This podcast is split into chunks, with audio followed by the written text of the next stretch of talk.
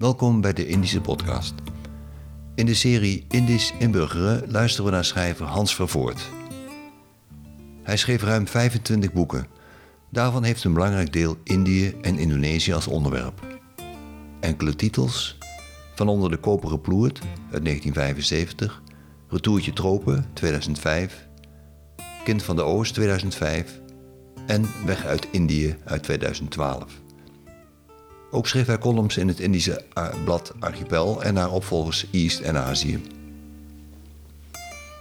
Hans Vervoort werd in Nederlands-Indië geboren, om precies te zijn, op 22 april 1939 in Magalang op Java.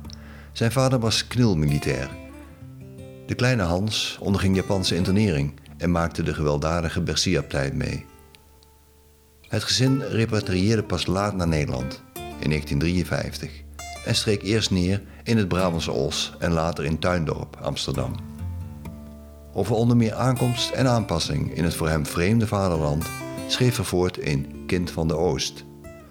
Fragmenten uit dit boek leest hij voor in de Indische podcast.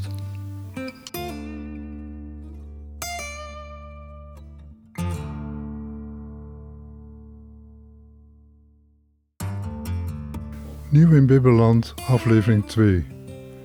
Boven op zolder in het contractpension was voor mij een kleine slaapkamer vrijgemaakt, met tot mijn grote vreugde een radiotoestel. In Surabaya hadden we natuurlijk ook radio en konden we de wereldomroepen luisteren.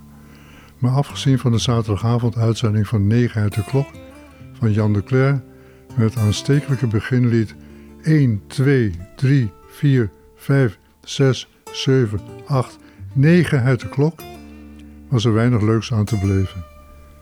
Ja, Jan Bodegaven met de quiz Wie klimt er mee tot boven in de mast? Maar dan had je het wel gehad. En sinds in februari 1953 het bericht kwam dat een groot deel van Nederland was ondergelopen, leed de radio aan een overdaad van geldinzamelingen. Maar in Nederland was het andere koek. Je had hier de hele dag uitzending en veel muziek. Mijn favoriet was Piet Velleman, die met een zwaar Amerikaans accent wekelijks de top 10 presenteerde. De allergrootste hits, zoals My Truly Fair van Guy Mitchell, kenden we in Indië natuurlijk ook.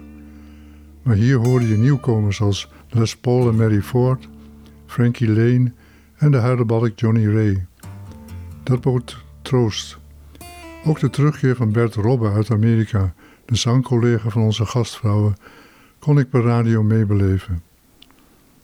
Na een korte tournee door de nieuwe wereld was hij nu terug bij het Metropoolorkest, meldde de omroeper. Met de staart tussen de benen of in triomf? De radio liet het niet zien, maar dat hij geen Mario Lanza was, kon ik moeiteloos horen. Een tamelijk machteloze tenor had mevrouw Hilligers beroemde vriend en collega. Net goed genoeg voor een simpel operettedeuntje. Terwijl ik dat met grimmige voldoening constateerde, wist ik natuurlijk ook wel dat mijn oordeel beïnvloed werd door haar kritiek op mijn wc-rollenverspilling. Ik was ook maar een mens. Dit was de Indische Podcast. Productie Stichting Pelita. Presentatie Peter van Riel. Meer weten? Ga naar www.pelita.nl